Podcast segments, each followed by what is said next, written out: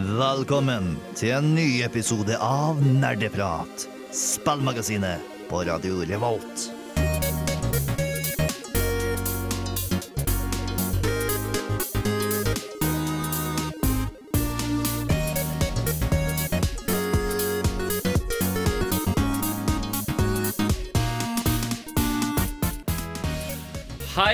Hallo, alle og enhver. Velkommen tilbake til en ny episode med Nerdprat. Um, I dag så har vi ja, Hva skal man si? Vi har egentlig ikke tema for det. Vi kom ikke på noe å gjøre. Uh, det er ikke så mye som skjer, så vi har laget en liten tematapas. Uh, og vi skal komme mer inn i hvordan det fungerer etterpå. Før det, jeg er programleder, jeg er Håkon, og med meg i studio da så har vi Bård. Anna. Tai. Og på teknikk har vi Steinar. Vi er faktisk fulltallige! Hurra! Det er en stund siden sist det har skjedd. Så da blir det veldig spennende å høre hva vi har gjort siden sist. Eh, men før det så skal vi høre låt. Vi skal høre Mallgirl med Bad Girl her på Radio Revolt. Oberst, jeg prøver å snike meg forbi vaktene, men lyden av min rumpeblafreng distraherer dem fra å lytte på nerdeprat. Da skal vi høre hva vi har gjort siden sist. Er det noen som har lyst til å starte? Jeg tenker vi kan starte med Anna, siden hun ikke var her forrige uke. Hey, uh, ja, da har det jo skjedd at jeg har fått meg en eh, jobb ved siden av studiene. Jeg har uh, ikke spilt noe særlig, så jeg har ikke noe å bidra med der. Jeg har eh, stressa eh, rundt, og så ja. Livet, da. Ja, ikke sant? Men eh, nei, eh, jeg har i dag ikke spilt noe, men det er noe jeg har lastet ned, som eh, jeg har lyst til å snakke om litt mer siden. Så en liten teaser på det. Det har jo kommet ut et nytt Amnesia-spill. Uh, jeg, hm, jeg prøver å sette av litt tid til å gjøre ferdig Ghost of Sushima, men det har vist seg å være litt vanskelig fordi skole og obligatoriske oppgaver og intervjuer og ting piler seg opp. Mm. Så jeg prøver å balansere ting. Få sånn flyt og balanse. Og noe jeg faktisk har brukt altfor mye tid på, eh, det er ikke spill, men det er at jeg har binga Cobra Kai på Netflix. Og jeg har aldri hatt så mye følelser om en serie noensinne. Og jeg vet ikke helt hvorfor. Jeg bare elsker det. Hva er Cobra Kai? Jeg er glad du spurte, Bård. Eh, har du sett Karate Kid Ja. fra 1984? Ja. Da burde du se Cobra Kai, for det handler om eh, han som da liksom er eh, hermetegn the bad guy, altså Johnny Lawrence i, Cobra, nei, i Karate Kid. Eh, serien fokuserer på han liksom i nåtiden, så det er basically en, en person som eh, Han har en 50 år gammel kropp, men hjernen hans er fortsatt stuck i 1984, og han prøver å relive the glory days med å åpne karate dojoen Cobra Kai på nytt. Så, ok, så det handler om skurken, altså han som tapte ved eh, Han som tapte i finalen mot Karate Kid. Ja? Ikke skurk, Bare bare ja, men altså han er han, han som tapte i finalen mot Karate Kid da Karate Kid brukte det ulovlige sparket. Ja. Ja. Eh, det er litt, jeg tror serien delvis egentlig er basert på en scene fra sånn, eh, How I Met Your Mother, hvor Barney snakker om at så klart må du heie på Johnny Lawrence, for han er jo den faktiske karatehelten og er bare misforstått og ble, eh, som du sa, gitt et ulovlig spark i en finale av en liten twerp som egentlig ikke kunne karate i det hele tatt. Så den snur litt om på, eller har litt sånn gråsoner mer da, enn det svart-hvite som kan være i Karate Kid. Og Ja. det, det er fantastisk. Det er så mye nostalgi og fantastisk skuespill og god stemning. Og mye følelser. Mm, spennende. Yep. Så jeg, jeg har hørt veldig mange si mye positivt om Cobra Kai. Og jeg bare Jeg klarte ikke å forestille meg det, men uh, nå er det veldig mange, så da burde man kanskje ta en titt. Um, vi går videre. Bård. Uh, I tillegg til å ha spilt enda mer Final Fantasy, så har jeg spilt også mer Crash Bandicoot. Uh, originale Ja. Insane uh, Trilogy. Ja. Greia. Og jeg må bare si at jeg hater dårlig design av 2D-leveler. Det er et eh, nivå hvor du må klatre opp og klatre opp, og klatre opp, og så kommer du til tre flammegreier på rad som du ikke har tid til å hoppe over i tide.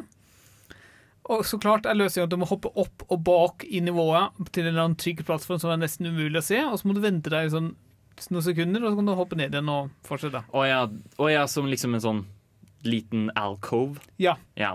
Jeg, jeg, jeg, hater det. Altså, ok, Greit hvis du vil ha det spillet, men gjør det i hvert fall tydelig. Gjør det ikke sånn at du, du, du kaster bort sånn fem forsøk på å time riktig de fuckings tre hoppene først. Crash Bandicoot har jo fått veldig mye tyn for at det har ganske mye urettferdig game design. Ja. Og jeg, jeg elsker en spillserie, men jeg kan ikke si meg uenig Nei. i det hele tatt. Og det er mye feil rundt akkurat det. Ja. Så Men ellers, da? Syns du det er gøy? Ja, jeg kom jo videre. Jeg kom til det vannivået, eller en elv, hvor du liksom hopper opp rett etterpå. Den var en fornøyelse å spille gjennom. Ja. Og bossen etter det var litt bitte litt øh, Ikke nødvendigvis vanskelig, men bare tidkrevende fordi du må time riktig når du skal hoppe på TNT-en i elven. Ah, men- så det var Ripperoo? Ja, sikkert. Ja. Ripperoo er for referanse en blå kenguru i tvangstrøye som hopper rundt og er helt gal i huet. Ja. Så du må liksom telle okay, hvor mange hopp det drikker an å gjøre på en TNT-eksplosjon, og hvor Ja, og sånn greier. Um, vi er ikke ferdig med å høre hva oss andre har gjort siden sist, så, men vi skal høre en låt i mellomtiden.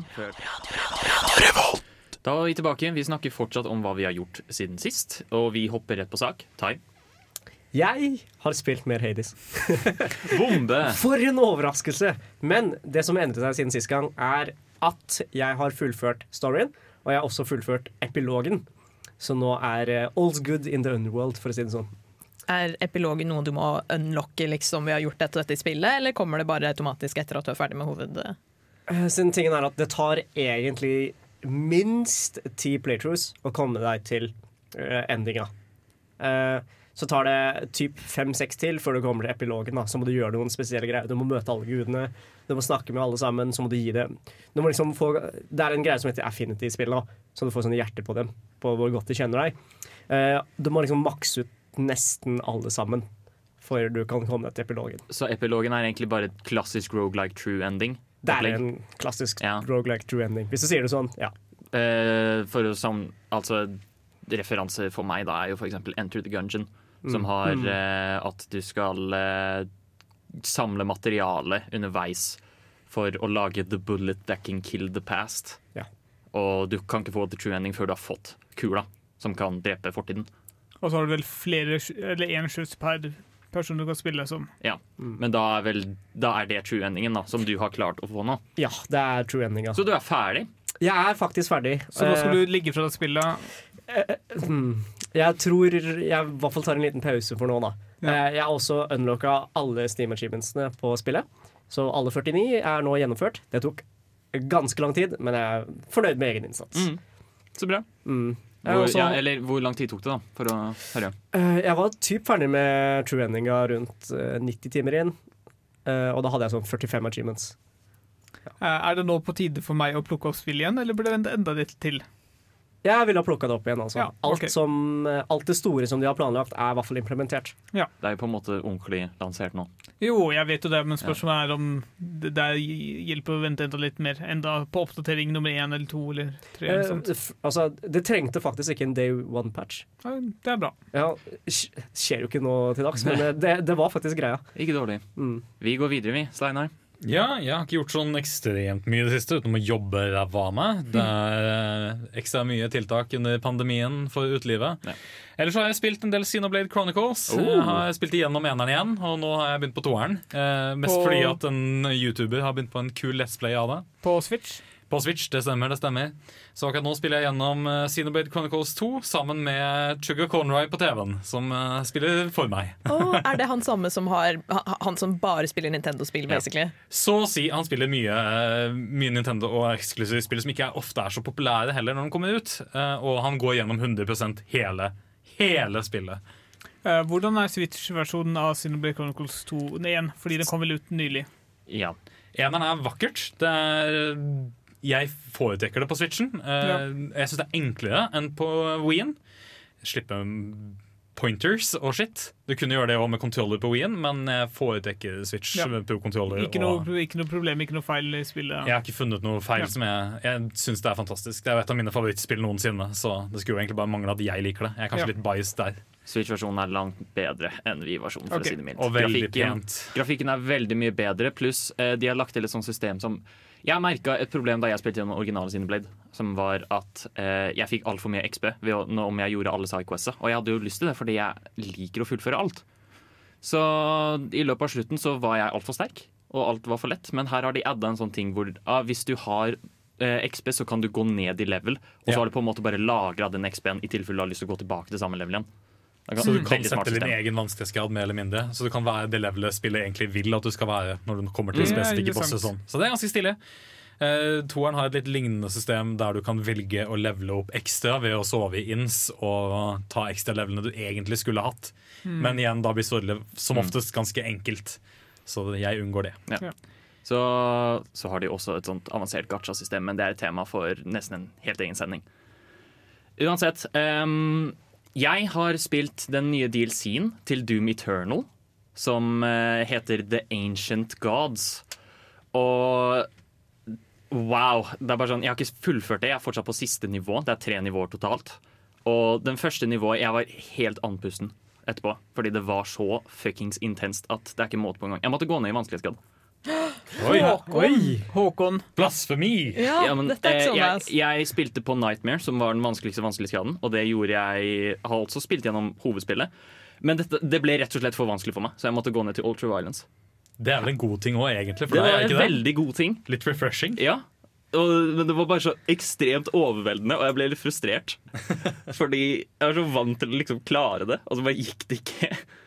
Men overall en kjempegod opplevelse. De, de gjør spillet veldig mye vanskeligere ved å bare være sånn OK, det her er én vanskelig fiende som du ser liksom én av av og til, og så bare er sånn OK, hva om vi bare ta, tar og kaster han inn mange flere ganger? Å, nå må du slåss mot to av dem samtidig.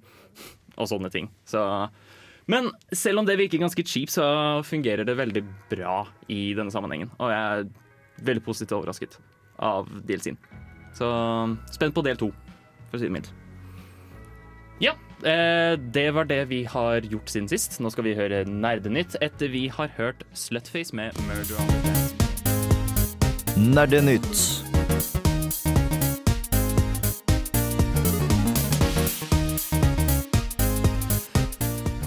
Det har ikke skjedd så mye nytt denne uka her, men det er i hvert fall noen små årlige nyheter som vi ønsker å ta opp. Eh, kaster det direkte til Tai, jeg. Smaller my ass, dude. Eh, godeste AOC, altså Alexandra Ocasio Cortez, Nå ruller av tunga. Eh, hun er jo en ah, Jeg husker ikke om hun var demokratisk eller republikaner eller noe sånt. Hun er i hvert fall en veldig kjent Eh, bare veldig kjapt innspill. Folk liker henne, så jeg vil tro hun er demokrat. Ja, OK. Hun er mest sannsynligvis demokrat, da. I, eh, ja, i, veldig høyt oppe da, i Ja. det amerikanske politiske systemet. Og hun streamet Among us med ganske mange kjente streamers på Twitch. Og det tok helt av, fordi det hadde 460 000 concurrent viewers på sitt høyeste. Som gjør det det tredje mest populære streamen på Twitch noen gang. Ja, det er bare veldig gøy da, at en så stor politiker bare er sånn Ja, nå skal jeg streame Among us med Jacksepticeye, Pokimane Hvem Eh, andre var det? Toast, ja. Toast og, Og Corpse. Ehm, og det var, det, var, det var en veldig søt stream. Det var liksom sånn Mm. uh, En runde hvor hun var imposter, så gikk hun sammen med Pokémon og så var sånn Nei, jeg kan ikke drepe Poké hun er altfor snill. ja. Og så 20 sekunder senere så drepte hun Poké Ja. Men hva var situasjonen her? Er de liksom bekjente med hverandre, disse streamerne og hun politikeren fra før av? Eller var det bare noe sånn OK, vi får en politiker fordi det er valg? Nei, altså det er, det er faktisk hun som tweeta ut Hei, har noen lyst til å spille Among us med meg? Og så var det masse creators som uh, svarte henne. da. Så var jo hele greia at det var for å oppfordre folk til å dra ut og stemme, da. Fordi Ja. dette er et såpass viktig valg. Mm. Så det var jo veldig sånn valggreier, da. Jeg var litt redd for at hun skulle kjøre en sånn Hillary Clinton og være sånn super cringe uh, i hvordan hun prøver å være hip with the kids. Men hun fellow kids! Ja, jo, jo, men gud. eh, Pokémon, WAP go to the polls. Å nei. You gotta catch them all. No. Men det var det som var greia. Hun var ikke cringe. Hun spilte, og hun var faktisk kjempekoselig å se på, da. Ja, fordi hun er jo eh, For det første så er hun jo yngre enn Hillary Clinton. Og faktisk litt mer eh, genuint chill og eh, kul person. Virker det som, da. Jeg kjenner jo hun ikke. Uh, for det andre så er det jo et spill hvor som gjør seg veldig i sånn type setting, da. Mm, definitivt. Altså, hun, var jo veldig, hun er veldig hipp da, med ungdommene, som du kan kalle det. um, ja, vi hadde en nyhet til, hadde vi ikke? Hvilken tenkte du på da? um, Vi kan jo nevne at uh, Serious Sam-utvikleren Crow Team har blitt uh, kjøpt opp av Devolver Digital. Nå husker jeg ikke helt hvilke andre spill Devolver Digital har for øyeblikket, men de er jo ganske store. Devolver navn. Digital har veldig mange spill. Ja. Og det er eh, Det nyeste som jeg kommer på, som de kom ut med, var eh, Carry On. Hvor du Ja. styrer et The Thing-aktig vesen, og så er det et revers skrekkspill. Hvor du bare skal gå rundt og drepe alle sammen. Ja. Du er skrekken. Ja. Fordi Devolver har jo veldig mye der mer sånn indie-aktige spillene som har veldig mye random i seg, men også er veldig, veldig forfriskende. da. Mm. De har veldig stort fokus på at det skal være supersært, veldig kreativt og veldig fast-paced. Akkurat som de eh, E3-presentasjonene sine, holdt jeg på å si. Ja, åh, herregud, om dere ikke har sett eh, Devolver Digital sine E3-pressekonferanser, please se dem. Så man kan vel kanskje si at Serious Sam passer godt inn i den familien. Ja, det kan man nok si. Selv om, så vidt jeg har skjønt, så hadde Serious Sam 4 litt problemer ved lansering. Eh, Noen, i hvert fall en venn av meg, slet med ytelser. PC-en kunne ikke spille i det hele tatt, så måtte måtte refundere det og vente til en ny PC eller til det blir fiksa. Mm. Um, eventuelt en siste nyhet som uh, kan nevnes. Ja. Det er jo, Apropos norske utviklere, så er jo Dwarfheim ute nå. For det har, har det vært i beta sånn evigheter? Hva var greia der? Lukket beta. Nå er, det, beta. i, eh, nå er det i Early Access og mulig å få tak i på Steam. Laga Pineleaf Studio her i Trondheim. Ja. Så det er verdt å få med seg. Veldig kult RTS-spill. Like it a lot. Det er dverger, det er Norge, det er stilig. Det er egentlig det, det jeg vil si. Eh, I tillegg så kan vi nevne at eh, Kojima Productions har lyst ut nye stillinger for et, eh, sitt neste store prosjekt, men han sier ingen verdens ting om det. vi får se hvordan det går. Det gikk jo så bra med Death Stranding. Men har det ikke gått ganske bra med Death Stranding? Sånn egentlig. Ish. Ja. Nei. Men nei òg. Altså, Det bygde opp forventningene skyhøyt, og så bare Ja. Um, det var det vi hadde tid for med Nærnytt. Eh, det var ikke så veldig mye uansett. Men vi skal straks gå over til temadelen, altså tema tapas. Etter vi har hørt Coach Ron og Pasha med Natalie Portman. Ikke fuck med meg! Jeg har kraften til Gud og nerdepar på min side. Men hæ?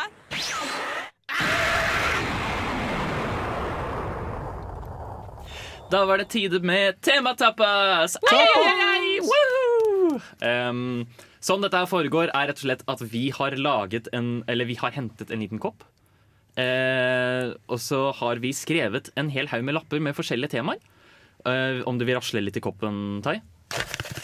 Sånn. Bare for å liksom vise deg. Og vi har nok temaer, da. Vi har veldig mange temaer, og vi skal bare trekke en uh, et tema, og så skal vi snakke om det. Så du kan jo starte, da, siden du har koppen.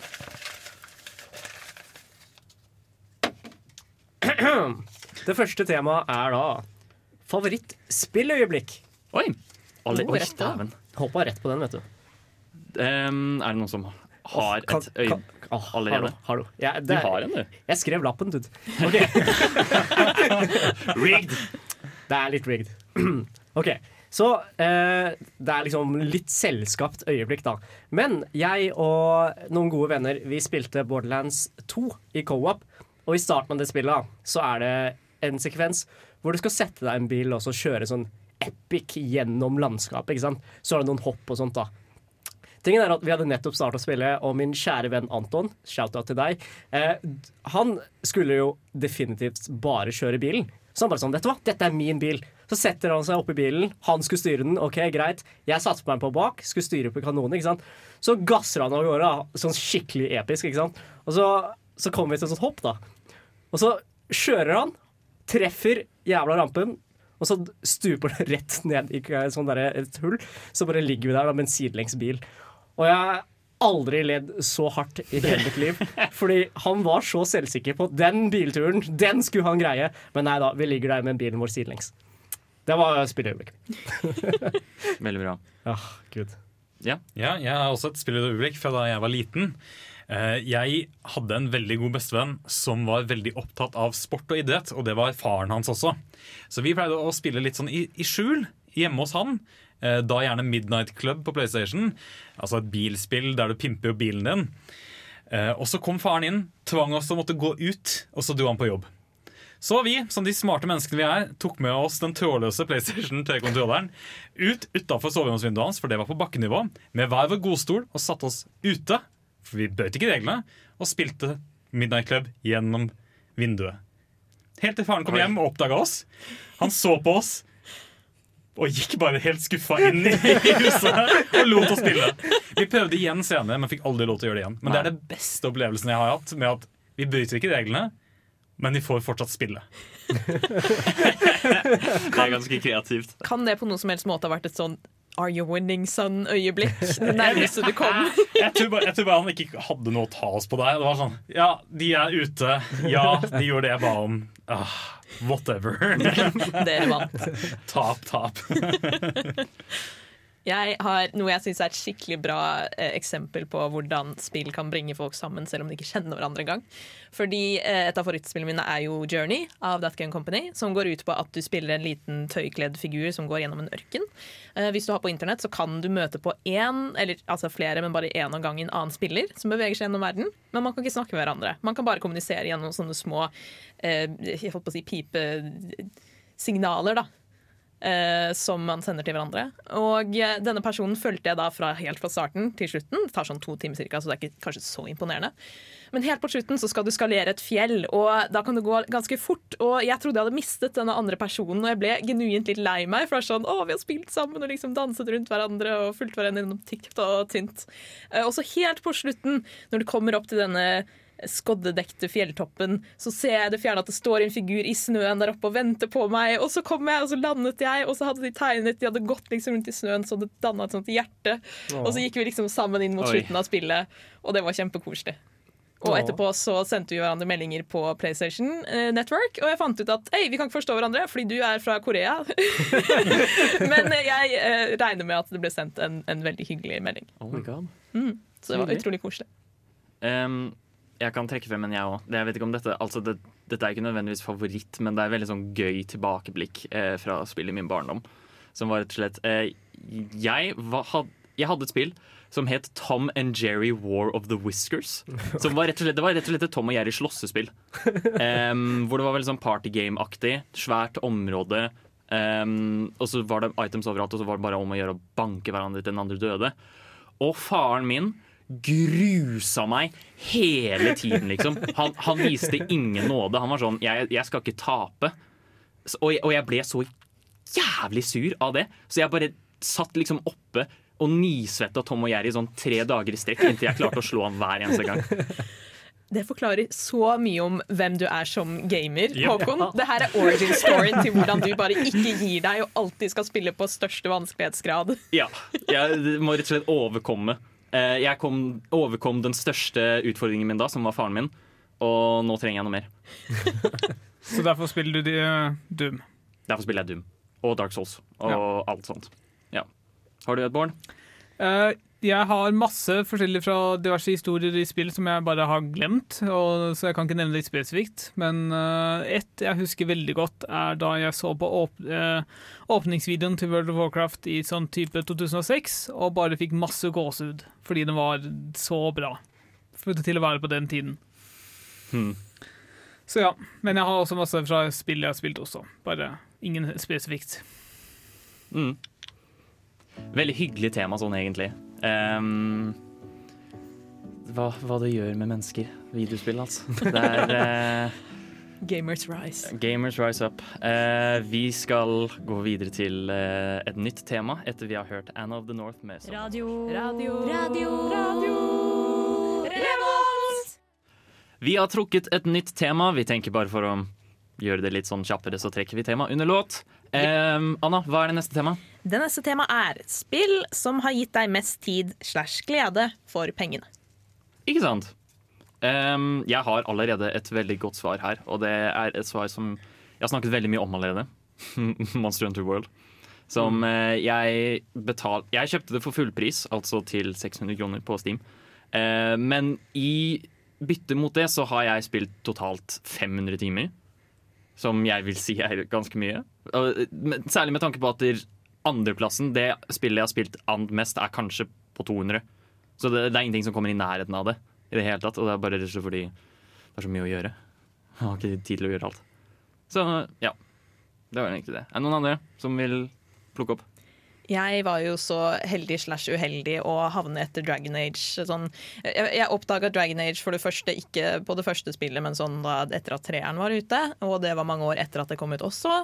Men fordelen da var at jeg kunne kjøpe det på sånn supersalg på PlayStation. Så jeg fikk Dragon Age 3 og alle DLC-ene og sånn for sånn Jeg tror jeg betalte 70 Var det 78 kroner eller noe sånt? Uh, og det har jeg nå spilt i kanskje 200-300 timer totalt. Og jeg elsker det. Og det er det som har fått meg hekta på hele Dragon Age-serien og all Lauren, og gjør at jeg desperat venter på at neste spill skal komme ut. Mm. Så det var litt av et uh, røverkjapp, altså. Ok.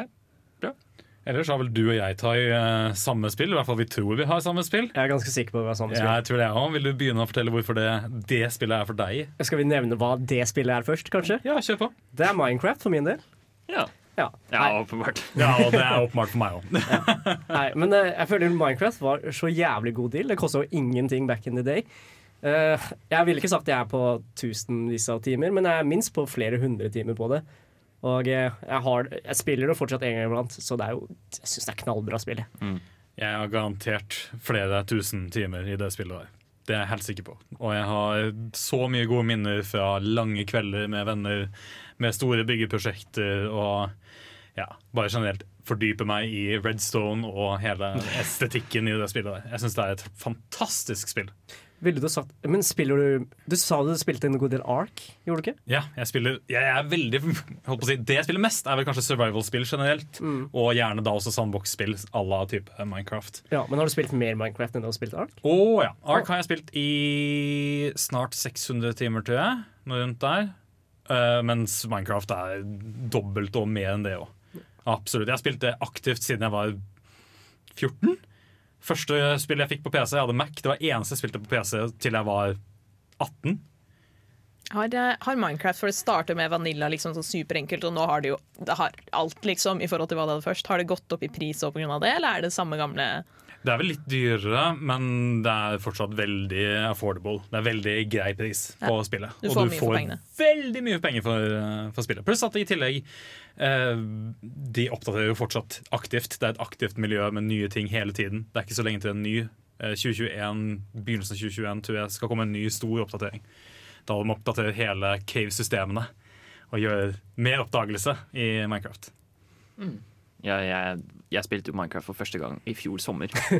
Eh, ja. Nei, du kødder. Så- Det er litt skuffende! jeg, jeg så på det veldig lite med nostalgibriller, og jeg er jo enig i at det er helt sinnssykt bra. Det er et vakkert spill. Jeg er det er veldig gøy veldig- med venner. Positivt overrasket over hvor gøy det var. Bård, du er sistemann. Uh, Final Fantasy 10 remastered, Oi, tror jeg. Fordi, Ikke 14, ja. Uh, jo, altså det er ting, Problemet med både 14 og World of Warcraft er at du betaler jevnlig per måned. Så du, du, du, prisen jeg faktisk faktisk ja. betaler, Ja, går point. opp. Men allikevel, jeg tror mange av mine beste øyeblikk er fra World of Warcraft og Final Fantasy. Men liksom, hvis jeg skal trekke ut én virkelig god historie, som er kanskje blitt mitt favorittspill sånn historiemessig, er nok Final Fantasy 10. Og det kjøpte jeg da det kom ut til PlayStation 4. Og det har kun kjøpt én gang, i motsetning til andre spill som man kan ha kjøpt på flere konsoller. og sånne ting, Så det er nok min favoritt. Jeg la nok inn sånn 70 timer og sånt i det før jeg ga opp å få 100 Mm. Eh, Tror du, Bård, at du kommer til å prøve neste Final Fantasy-spill? Nå som de liksom endelig har annonsert en helt ny Ikke en ny IP, da, men ny liksom. Jeg har et, et håp om å få kommet inn i de fleste Fantasy-spillene. i hvert fall. Jeg har ennå til gode å komme tilbake til syv, som har spilt Så som ung i barndommen. Mm. Jeg syns vi har kommet med mange gode forslag her, men jeg tror vi alle kan være enige om at Minecraft er kanskje det beste. Fordi eh, I hvert fall det, det spillet som du får mest tid for pengene. Pluss at du gjør litt det spillet til hva du vil selv. Ja, nettopp. Så derfor er det ganske bra. Eh, straks får du et nytt tema etter vi har hørt Valkyrien Allstars. Vi har trukket neste tema, og jeg skal bare si jeg er ganske sikker på at dette er rigged, fordi Steinar trakk det temaet han valgte og ville snakke om. Så, Ja. Men hva er det uansett? Vi skal snakke litt om mobilspill. eh, Så vi skal gå litt i dybden på hva folk syns om mobilspill, hvilke mobilspill vi spiller for tiden, og hva er det som gjør et bra mobilspill. Ja. Vi kan jo begynne med deg, Håkon. Det gjør vi ikke så ofte. Hva tenker du om mobilspill? Uh, oi um, Jeg er litt sånn jeg, jeg vet ikke helt, egentlig. Uh, fordi jeg, jeg var en superstor fan av, og jeg spiller det fortsatt av og til i forelesning, det er Flappy Bird. Ja, Um, oi. og det er rett slett ja. Hvordan har du det fortsatt? Har ikke det Nei, jeg har det ikke på telefonen, jeg spiller på PC-en. Oh, ja. Um, men det var jo veldig stort mobilspill. Eh, og det er rett og slett fordi det er sånn superenkel, hjerneløs moro som eh, jeg kan gjøre bare for å drive tida mens jeg følger med på andre ting, er egentlig tanken min. Så jeg har ikke sånn superstort behov for å spille noe superbra. Jeg har, jeg eier Mario Run for eksempel, på telefonen min, men jeg har aldri spilt det. Jeg mista også veldig fort interessen i spill som um, Pokémon Masters. Uh, som ja, skal liksom være ganske bra mobilspill, men jeg bare syns det ikke er interessant. Et spill derimot, som jeg kom på nå, Geometry Dash. Skikkelig bra. Oh ja, hva går det ut på? Geometry Dash er rett og slett du styrer en liten kube, og så skal du hoppe deg gjennom eh, et slags nivå hvor du bare sklir bortover. Så, så det er på en måte en løpende level hvor okay. du bare må hoppe og ikke hoppe for å kunne klare å leve, hvis det gir mening. Eh, det er som, Tenk deg Impossible Game. Ja. Har du sett det? Ja, Ja, Bare mye mer avansert. Det høres veldig rage-inducing ut. Ja. Mer avansert. Men det er vanskelig, så derfor liker jeg det. Jeg, jeg skulle til å si uh, eh, Flappy Bird er jo også uh, rage quit-spill de luxe, liksom. Men der blir jeg ikke sur. Det er, det er bare fordi Hvem faen bryr seg?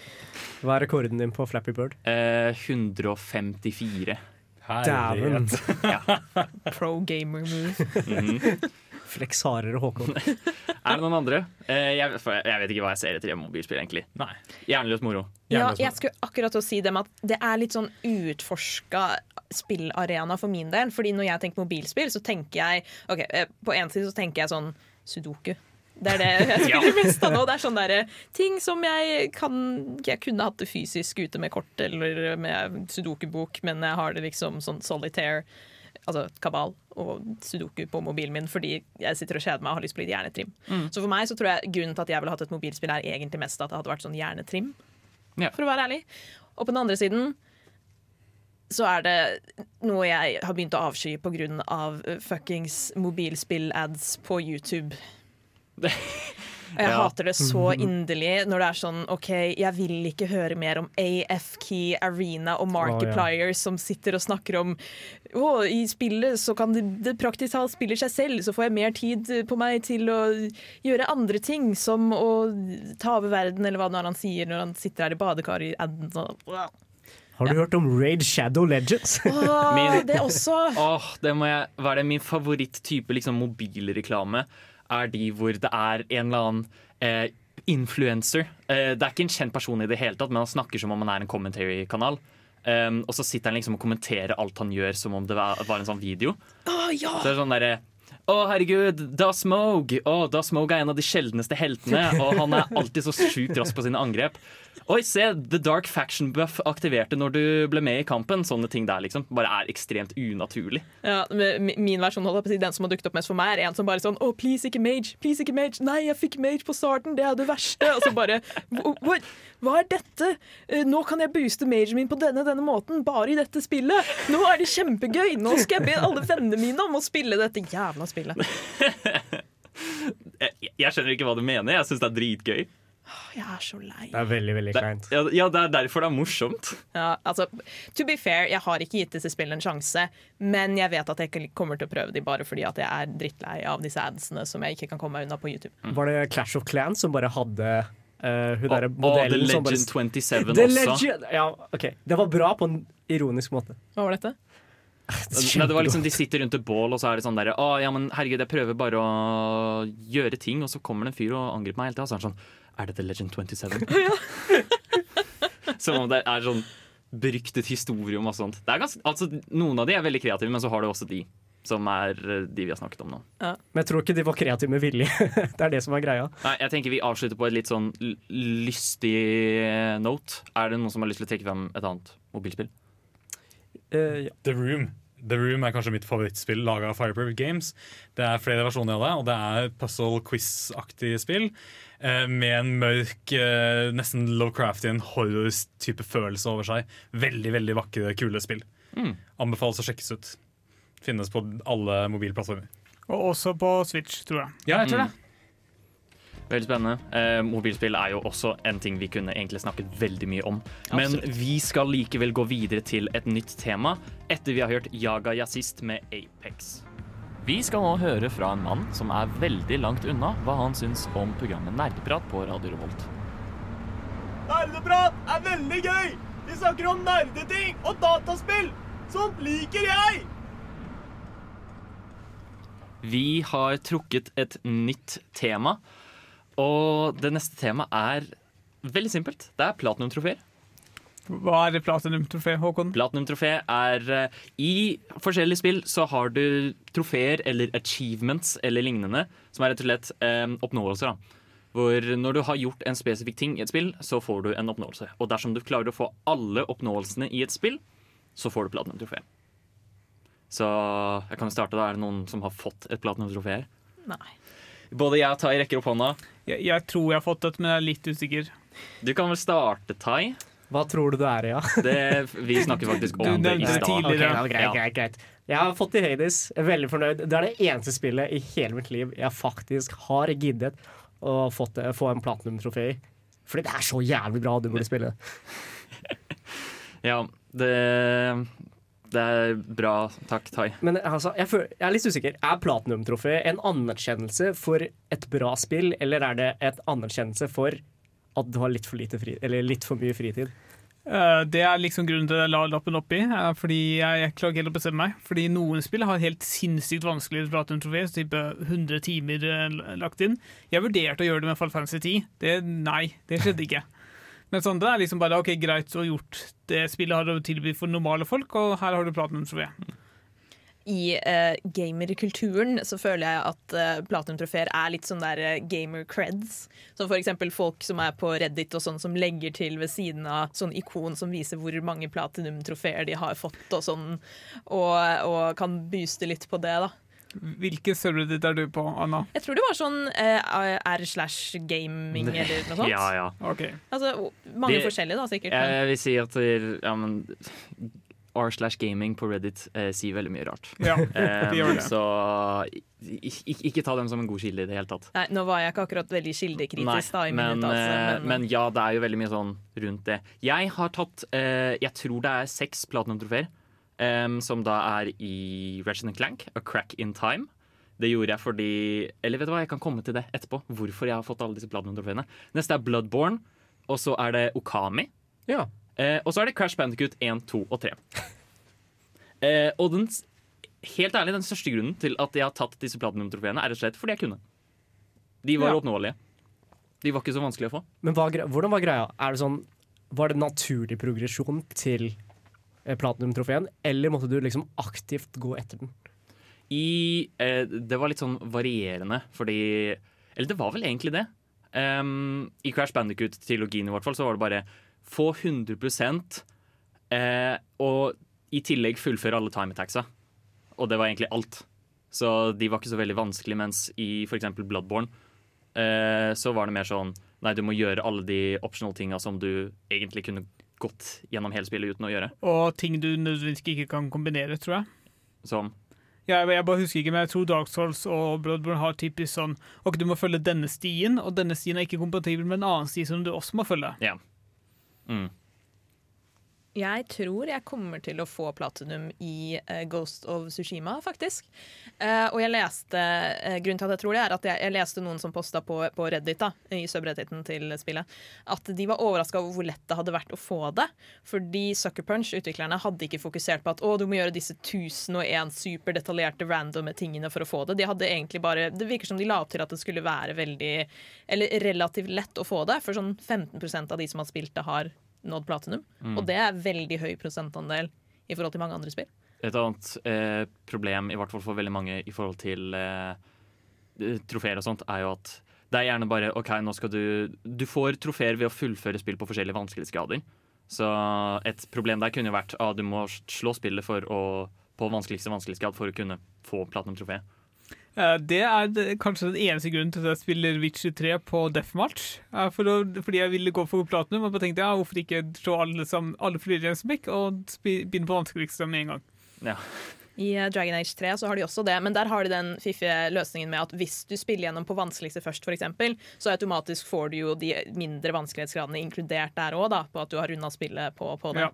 Så du slipper å måtte gjøre det én gang for hver i et spill som tar sånn hundrevis av timer, eller hundre da kanskje, å runde. Men jeg tror veldig mye av dette med trofeer og sånt handler om at ja, for, for min del i hvert fall så er det veldig Det er gøy å samle på. Og så er det ikke så veldig stress å få til, er det jeg tenker. Men folk er jo veldig veldig seriøse om det av og til. Ja, for min del så er det mest bare um, for å se hvordan, altså, hva er det som er å utforske i spillet. Hvilke muligheter har spillet for meg. Ja, for min del så var det jo mest at den tvingte meg til å gjøre ting jeg aldri gjorde i spillet. Det er sånne ting jeg ikke gadd, Ok, med mindre det var en trofé. Så du, du gikk faktisk etter trofeet? Jeg gikk etter trofeet. Ja, men det er liksom sånn Hvis man kan få tak i det, hvorfor ikke? Det er jo litt gøy òg. Vi, skal, vi har jo flere temaer. Eh, masse masse temaer å hente fra. Så, men nå skal vi høre låt. Vi skal først høre 'Hagle' med traktor. Deretter skal vi Hei, høre det er. Kygo, Kygo Nei, bare kødda. Det er Thomas Seltzer. 30 år eldre enn Kygo. eh, Og du hører på Radio Revolt. Det stemmer. Du hører fortsatt på Radio Revolt. Du hører fortsatt på Nerdeprat. Vi har trukket et nytt tema. Eller Bård har trukket et nytt tema. Hva er det? Uh, hvem er din favorittspillkarakter, og hvorfor? Hvem er din favorittspillkarakter? Uh, min favorittspillkarakter er Gary the Metrosexual Bastard. Altså uh, Ger Gerald fra Oi, The Witcher ja, 3. den overrasker meg egentlig ikke så veldig. Med tanke på at du har vært veldig liksom, tydelig på at The Witcher 3 er favorittspillet ditt. Jeg vet ikke om det fortsatt er det, altså, Nei, etter Hades. Men, eh, i hvert fall, er, du er veldig glad i Witcher 3. Jeg er absolutt veldig glad i The Witcher 3, og jeg syns Gerald sin character er helt nydelig. Men det er um, fordi jeg har jo et, ny innsett at det liksom bare er en del av Witchers fordi de har ikke noe følelser eller noe sånt. Men jeg vet ikke, jeg, jeg er ikke så veldig glad i den ekstremt monotone stemmen hans. Nei, men han er ikke monoton. Nei, han, han, er, han er litt sassy av og til. Ja, han er sassy som faen, det er det som er greia. Folk tror at Geralt er en mannlig mann som ikke viser følelser, men i virkeligheten så er Geralt en sassy motherfucker. Og det er det som gjør han en veldig god karakter. da. Mm. Så det er enten Geralt, eller så er det ah, Nå husker jeg ikke navnet hennes. Hun som har på seg svarte klær hele tida. Jennifer? Jennifer, takk! Begynner å bli en stund siden. Jeg skal spille på nytt. Eh, eller så er det Jennifer, da. Men jeg liker dynamikken veldig godt mellom de to, da, siden de er sassy som faen mot hverandre. Mm. Og det er bare gøy å være med. Mm, gøy. Definitivt. Er det noen andre? Som... Uh, Jeg skulle si at jeg sjelden har favorittkarakter som den karakteren du spiller som i spill. Men det har jo litt å gjøre med at ofte så er de veldig anonyme. Fordi hvis de får mye personlighet, så kan du ikke leve deg inn. Men jeg blir jo veldig veldig knytta til hvis det er et spill hvor du har companions. Uh, særlig hvis du skal liksom gå rundt og rekruttere folk til å være i partyet ditt. Og sånn Og av den grunn så er det veldig mange jeg har knytta meg til i Dragon Age 3. Fordi der skal du, du Du kan rekruttere en bunch med folk, og av de så er jo Dorian eh, Pavus på topp. Fordi han er en mage eh, som er sjarmerende som bare faen. Og eh, skal vi se om jeg finner navnet på, på voice-actoren hans. da Jo, Ramon, Ramon Tikaram. Som har eh, stemmen til han. han. Han har liksom den smootheste, mest fantastiske stemmen og spiller i tillegg en, en karakter som er superkompleks og morsom og eh, sensitiv. Og jeg har kanskje et bitte lite spillcrush på Dorian. Ikke sant. Uh, jeg, jeg har lyst til å ta min neste, fordi min er uh, en veldig veldig kjent karakter med navn Bowser. OK, Og det, hvorfor? og det er bare fordi fucking se på Bowser, så, så jævlig kul han er. Faen! Svær, med piggete skilpadde som skyter flammer. Dritkult. I tillegg også, eh, jeg vet ikke om noen av dere har spilt Marion Mario Luigi-spillene. Eh, dette er, er eh, rollespill, turbaserte rollespill hvor du styrer Mario Luigi. Så har du i tillegg eh, det tredje spillet der, heter Bowsers Inside Story, hvor du også får styre Bowser en del. Og han er så morsom! Han er skikkelig gøy, liksom. Og det er han, han har så utrolig mye personlighet. Det er det som egentlig gjør alle spillene han er med i. Hva slags personlighet er det Bowser har? Sin, min kjennskap til Bowser er som bad guy. Ja, men uh, ha- jeg, altså, Det er ikke så mye jeg, jeg kan si, men han har veldig mange sånne dumme, cheesy one-liners. Og han, han er superfrekk eh, mot alle, men han er også bare tøysete. I tillegg, en annen ting jeg liker veldig godt med han, er at han har, han har lært av sine feil. Så han har tidligere på en måte alliert seg med folk, da, og så har han blitt eh, fucka over av dem. Mens i det fjerde spillet så snur det seg hvor han fucker over de han har alliert seg med. Så man tenker liksom å herregud, denne Fantasma eller hva han heter, kommer til å være siste boss, men så er det Bowser. Fordi han fucka han over. Det er kjempekult. Hva med dere andre? Uh, jeg sliter veldig med å bestemme meg. Uh, enten er det hoved, en av hovedpersonene i uh, Final Fantasy 10, men jeg har også litt lyst til å gå for det gamle, tradisjonelle svaret som bare er Mario. Ja. Fordi Mario er ikonisk. Mario har så mange forskjellige spill som jeg har satt i, som liksom jeg kan like alle sammen. Både plattformspill, men også liksom Paper Mario, Mario Kart, Smash etc. Men jeg greier liksom ikke å like Mario som karakter. Siden eneste personlige Han har- strekket hans ja. er jo egentlig at han er glad. Han har ingen dybde, men uh, det er jo fortsatt uh, kanskje min favoritt liksom bare sånn, fordi han er ikonisk. Han er ikke godt skrevet overhodet, det er derfor jeg liksom vurderte å ta Final Fantasy istedenfor, som er i hvert fall litt bedre skrevet. Jeg har et spørsmål, som for eksempel Link da i Zelda-spillene. Det er jo ikke samme Link fordi han blir uh, gjenfødt. Er, er det canon at Mario er den samme Mario i alle Mario-spillene? Ja. Det er det? Ja. Å, gud. It is. Det, men, men forskjellen her er jo at de forskjellige Zelda-spillene skjer over hundrevis av år i forskjell, liksom. Mario-spillene er jo bare er sånn- samme tidslinje. Hvert eventyr er sånn ny er Det sånn ikke noe uke. Konkret tidslinje. Jeg er litt usikker på hva jeg hadde valgt. Jeg hadde enten valgt Susano eh, fra Okami. Ah, ja, ja. Bare fordi jeg syns han er en Veldig funny karakter som prøver å late som han er en helt, men egentlig er en feig faen. Ja. Eller så hadde jeg valgt eh, Nia fra Sinoblade 2 bare for at hun er en badass som mobber deg. Og jeg liker hvor sassy hun er. Mm. Eh, også veldig mange kule karakterer. Men eh, vi må tross alt gå videre. Det er tematapas, og vi har mange temaer å gå gjennom. Så vi skal nå høre Brenn med Gi meg litt fred før vi går videre. Nerdeprat på Radio Revolt. Vi hopper rett inn i neste tema. Tai, du har trukket en ny lapp. Hva står det på den? Ting vi hater, står det. Ting vi hater. Bård rakk opp hånda med en gang. Ja, jeg Som dere vet, jeg har spilt mye Final Fantasy 14, som er et MMO-RPG. Det jeg hater absolutt mest i det, er andre spillere som du må samarbeide med, men så klarer ikke de å gjøre det de skal. De klarer ikke å lese intensjoner, de klarer ikke å bruke logikk. De bare er hjernedøde og dør. Og det er så irriterende. Men er dette tilfeldige spillere som du finner?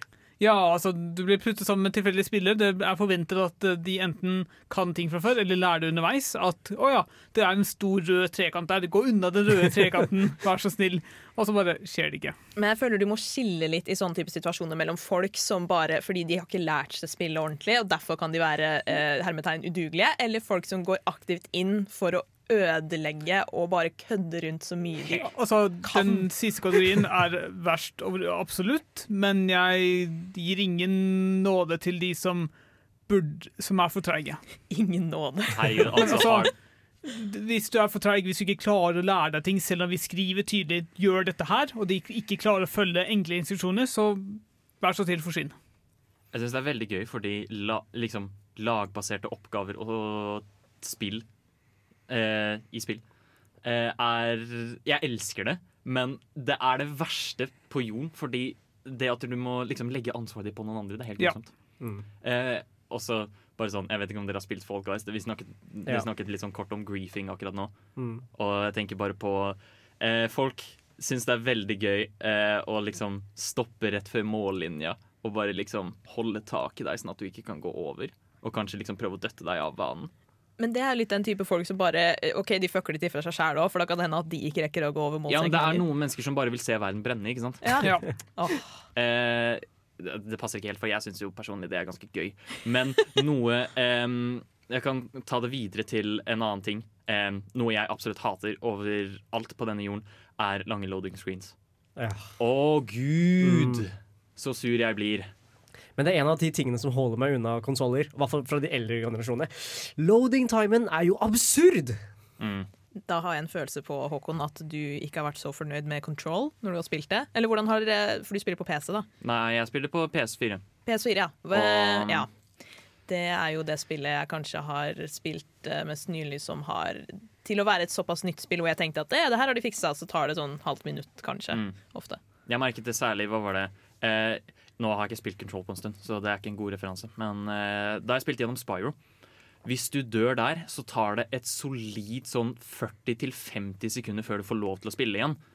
Og det er sånn da blir, jeg, da blir jeg bare mer sur for den døden fordi det tar så lang tid før jeg får lov til å spille igjen. Og Det bare ødelegger hele stemninga. Jeg liker det ikke. Ja, det er jo en grunn til at det var et av målene til både for Xbox og, og Sony med PlayStation, og at eh, de ville bevisst gå inn for å korte ned loading screen-tid så mye som mulig. Kan jeg ta opp en ting jeg hater? Ja. Escort-oppdrag. Å, gud! Jesus, de suger. Ja. Men også de greiene jeg har kanskje mest kule historier fra, fordi det var så jævla sucky. Det er det jeg husker. Som Det, for det er liksom sånn eh, Alles favorittdel av å spille Assassin's Creed for eksempel, er jo akkurat det å bare gå veldig tregt bak en person og høre på hva de sier, og så gjemme deg av og til når de snur seg. Det er som for Assassin's Creed Odyssey, hvor de skulle vise første gameplay på E3, og så var det det de viste var et escort mission. Ja. Å nei. Det var sånn, ja, det er dette vi vil se. For øvrig, siden vi først nevnte det og Assassin's Creed eh, og Ghost of Tsushima har ofte blitt sammenligna med å være liksom en bedre versjon av Assassin's Creed-spill. Der så løser de det ved at uh, du velger selv hva slags tempo dere beveger dere i. Ja. Så hvis du har lyst til å gå, så går man. Uh, hvis du har lyst til å spurte av gårde eller ri eh, fort som faen på hest, så gjør NPC-en også det. Mm. Så får du kontroll. Ja, ja det, det er en veldig god løsning på det, fordi det er utrolig frustrerende. Det er så ekstremt lite engasjerende gameplay. Det er sånn Og hvorfor finnes det fortsatt? Det er liksom sånn i Særlig da i f.eks. Assassin's Creed. Så er sånn, Hvorfor finnes det fortsatt? Fordi det gir mening med historien. Åh, men de burde fikse det. Det er realistisk, Håkon. Nei, vi er ikke ferdig ennå med tematapassen. Eh, vi skal gå, vi skal ha, snakke om mer temaer, eh, men nå skal vi høre låt først. Vi skal høre Otto med Guess Halla, snupper! Vil du være med og høre på nerdprat, eller? OK, her kommer vi! Neste tema er veldig gøy, dere. Har, Det er sært som faen. Hvem skrev ned dette, egentlig? Hvem skrev ned? Ja, hvem skrev ned det, Tai? Jeg lurer virkelig på det. altså. altså. det er Tai. OK, cyberpunk. Uh, genitale, gen, genitalia-system. Hva hadde du lagd? Har du lyst til å utdype? Ok, Så i Cyberpunk 2077 så har du sagt at du kan customize, eh, tilpasse genitaliene dine til det du har lyst på.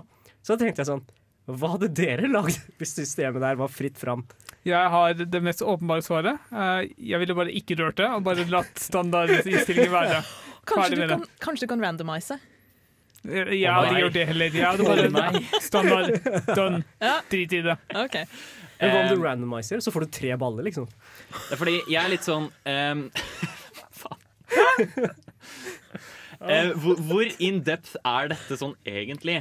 Greia er at Vi vet ikke helt hva det går ut på ennå, i og med at spillet ikke har kommet ut. Det var bare et av salgs... Ok, Kanskje ikke vært et av salgspunktene, men for noen er det kanskje et salgspunkt. at du kan gjøre det. Fordi at du virkelig kan ha en character creator hvor du editer ting ned til minste detalj, det er jo litt imponerende. Og jeg vil bare påpeke at det er veldig inkluderende også, i og med at da kan du liksom designe en karakter som kan være akkurat som deg. At du nødvendigvis ikke må følge de typiske sånn binære kjønnssystemene. Bare en sånn liten food for thought. Mm. Hvis du vil, da. Nå vet jeg ikke om det er så mange der ute som genuint er interessert i Jeg vil virkelig ikke designe meg selv med en penis creation. Ja, men jeg tenker det, det er jo egentlig det store spørsmålet her, da. Om, eh, særlig for oss gutter, om du faktisk eh, går for eh, din egen, om du prøver å gjenskape din penis, eller om du følger drømmene dine. da Har du tenkt å bruke sånn sjekkereplikk? Dette er sånn det er i virkeligheten også. This is the shit, yo. Men spørsmålet er da kan du sende dickpics i Cyberpunk Oi. 2077. Oh, nei. Eller vaginapics. Vi, eh, her er det gode ideer som vi nesten får pitche, men eh, eh, jeg tenker vi spør Tai. Hvordan hadde du valgt å designe Altså, Nå har jeg virkelig ikke tenkt på dette. Jo, det har du, for det er du som kom med det jævla spørsmålet her. Men du må svare, i hvert fall. Ja, det må du. Altså, ja, En liten drøm har alltid hatt ha flere rør, da. Vent, vent, vent, vent, vent, vent. Du har tenkt å lage en ku? Nei, OK. Tenk, Ah, jeg, eh, For dumt. Nei hvorfor Hell yeah. Men OK, tenkte jeg sånn derre Å, shit, du er midt i en kamp, men du må på do. Hva gjør du da? Nei, vet du hva? Det er dobbelt så fort om du har to rør å tisse fra. Jeg vet ikke. Hva, hva har det programmet Så du tenker praktisk hele veien? Definitivt. Ja, det er bare praktisk, ja. Mm. Mm. Uh, hmm. Det hadde vært litt gøy hvis det var en randomizer og bare se hva som, se hva som skjer. På kukken min i kveld. Men er det ikke noen andre programmer som har hatt noe ish eh, det samme? Eller andre Ja, spill? altså Conan Exiles, så kunne du i hvert fall ha en slider for slongen din og se hvor lang den skulle bli. uh, og der finnes nok mods til det spillet, fordi det har dick physics uh, til å lage hva du vil, da. Ja, fordi noe som Ok, det har ikke alltid eksistert, det er å ta i litt, men som har eksistert lenger enn slong physics, det er jo boob physics. Ja. Hvor jo mer det jigler, jo bedre og mer realistisk er det, ifølge gamer... Conan. Exiles har vel begge, så der kan du suit yourself. Um, jeg vil bare komme kjapt her. Nå har jeg søkt opp uh, for å klargjøre. Og de har sagt at du kan customize um, hvordan puppene skal se ut, hvordan rumpa de skal se ut, uh, genitalia. Uh, as well as various sizes and combinations of genitals. Jeg vet ikke hvorfor jeg Så du kan få the best of both worlds? Ja. Damn. Jo, det blir mye Ja, men da, da er det jo egentlig bare ett valg her. Det er et åpenbart valg da. Du vil jo ha best av to veiene. Ja. Helt stille. Men da vet du hva Håkon skal lage. Anna, hva hadde du lagd? Jeg vet ikke, jeg har fått noe bling der nede. Bling? Ja, det er ikke en Eh, ha en, en bass booster eller noe sånn uh, høyttalere. Jeg vet ikke. du, kan være, du kan være en androide, ikke sant? Du trenger ikke bare tenke biologisk, du kan tenke maskineri. Jeg vil ha LED-lys. Jeg skal lage The Gamer. Dette er cyberpunk, tross Real man cave. Jeg skal ha LED-lys. Ekte man cave der, ass. Problemet her er at de, har en vag nok beskrivelse til at det er vanskelig å forestille seg. Så det kan hende at vi ikke får noe av dette, men vi får håpe, oss, håpe på det. Eh, jeg oppfordrer i hvert fall alle når Cyberpunk kommer ut, til å utforske dette systemet. Fordi det er sikkert litt artig. Eh, men nok om det temaet. Vi skal gå videre til et nytt tema etter vi har hørt om Neotrix Point Never med Long Road Home. Da er det et nytt tema. Um, og på denne lappen her, det her er et nytt tema som Tai har valgt. Eh, bare så det er klart. Her står det simpelthen bare Runescape Venezuela. Og etikk. Og etikk. Det så jeg ikke. Ja, ok. Eh, Tingen er at eh, som dere sikkert vet, så er ikke det like bra i alle land. Og et land som suger litt for tida, er jo Venezuela. Eh, greia med Runescape-penger er at de er faktisk verdt en del penger. Så det har blitt en greie at Venezuelan gold farmers, som egentlig bare spiller rett og slett for å tjene penger da, i Runescape, selger dette da på svartemarkedet for penger. da. Okay. Og du kan faktisk tjene ganske godt på det her.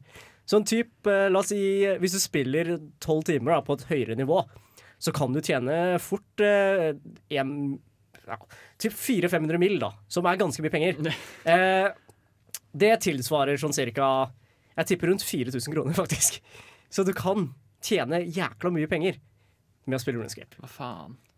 Eh, så greia er at eh, det er veldig mange fra Venezuela som spiller på et høyt nivå da, for å tjene penger. Og det har blitt en greie i runescape-miljøet at du kan drepe dem for fun. Hæ? Hva, hva, kan du gjenta og utdype? Ok, tenker jeg at de Veldig mange av aktivitetene som tjener mye penger i RuneScape, det er, skjer i det, et område som heter The Wilderness. Som basically betyr det er ikke noen lover og regler her, du kan drepe hvem faen du vil. Anarki. Det er anarki. Yeah. Eh, og greia er at det har blitt en aktivitet at folk løper rundt og jakter på venezuelere. Oh my Det, det her er heftige greier, ass. Det er faktisk veldig heftige greie.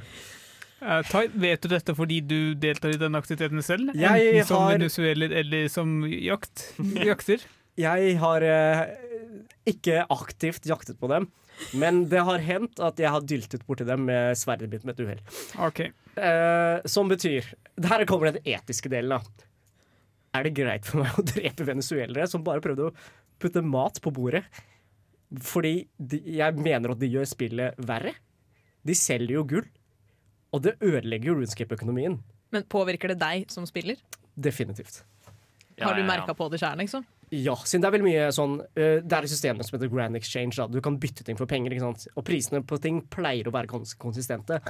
Men i perioder, i, hvert fall i startperioden, da, så var prisene veldig konsistent. Altså, Jo verre krisen i Venezuela ble, jo lavere ble prisene på ting. Fordi det kom flere gold farms inn i spillet.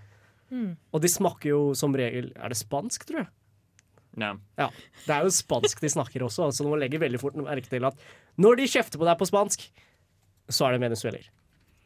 Høyt nivå av politisk korrekthet. Det får du Det på sånn, nerdeprat. ehm, Eh, Jeg vil si at det er helt OK. Og altså, det, du dreper dem ikke sånn faktisk, du bare stopper indiktskyld Det er deres, som egentlig ikke er lov. Ifølge spillereglene og sånt. Ja, men har ikke de da en mye bedre grunn enn deg til å faktisk genuint tjene inn litt penger hvis de kan spille? da? Greit, ja ja, det er teknisk sett Men det er svartemarked. De selger Jo. ting på svartemarkedet. Det er sånn som at du som har tilgang til Altså Det er sånn som om du skulle solgt ting på svartemarkedet her i Norge også.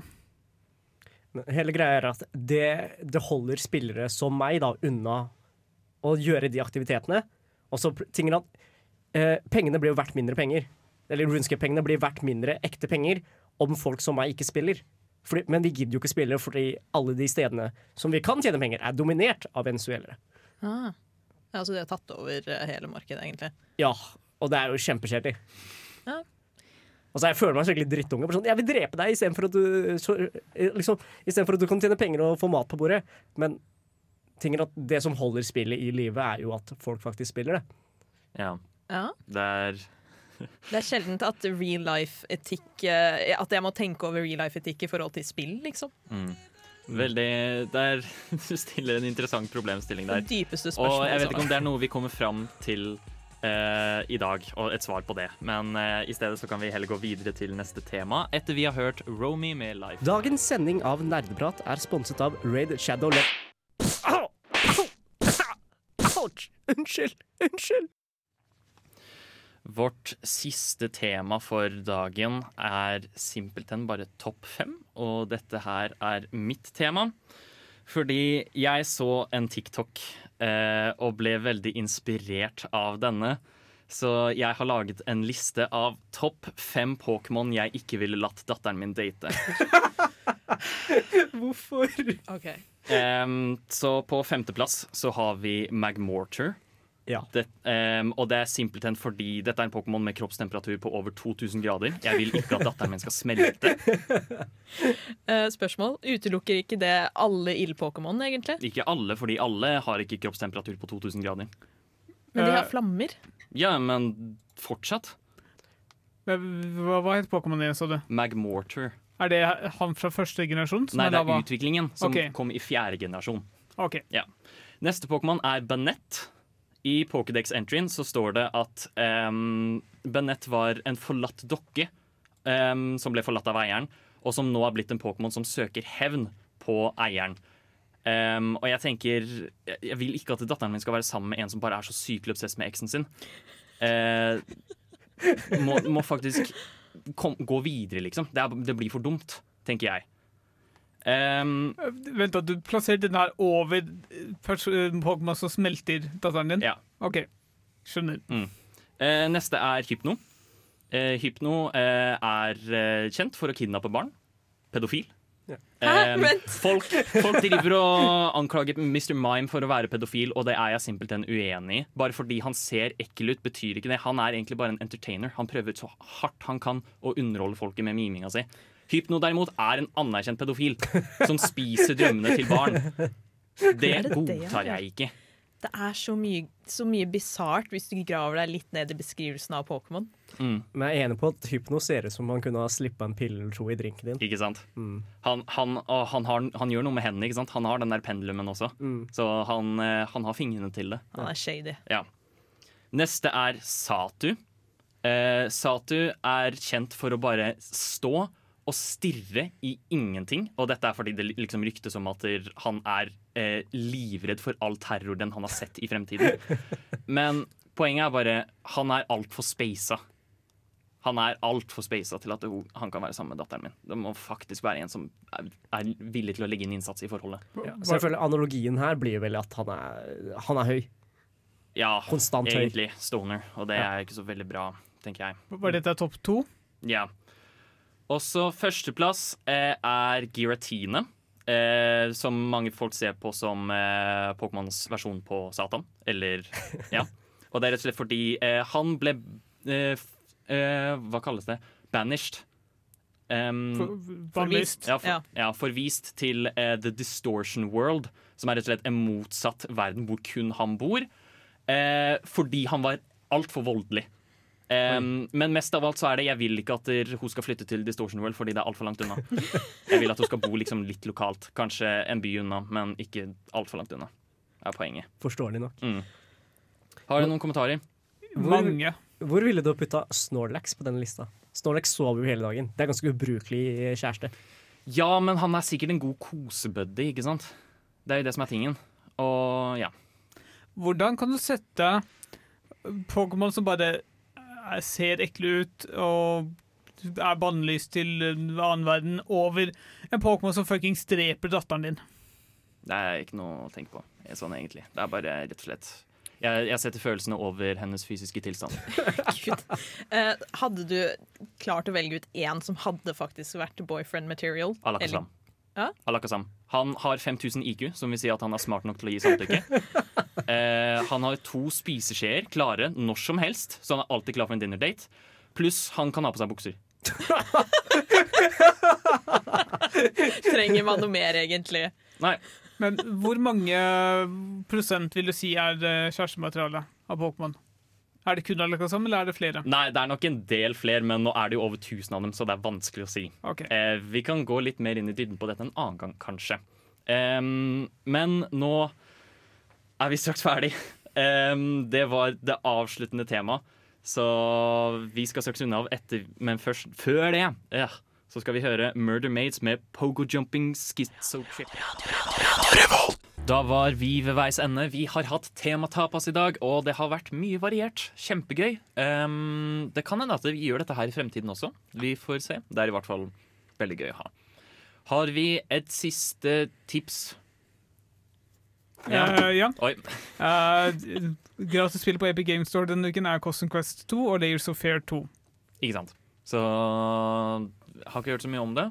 Men sjekk det ut. Og hvis det ser interessant ut, last det ned om du er interessert. Last det ned uansett. Ja. Det er gratis. Ja, Godt poeng. Men det var det vi hadde for i dag. Nå skal vi gjøre Stillehavet med Kosmos. Adjø. Ha det! Du har lyttet til en podkast på Radio Revolt, studentradioen i Trondheim. Sjekk ut flere programmer på radiorevolt.no.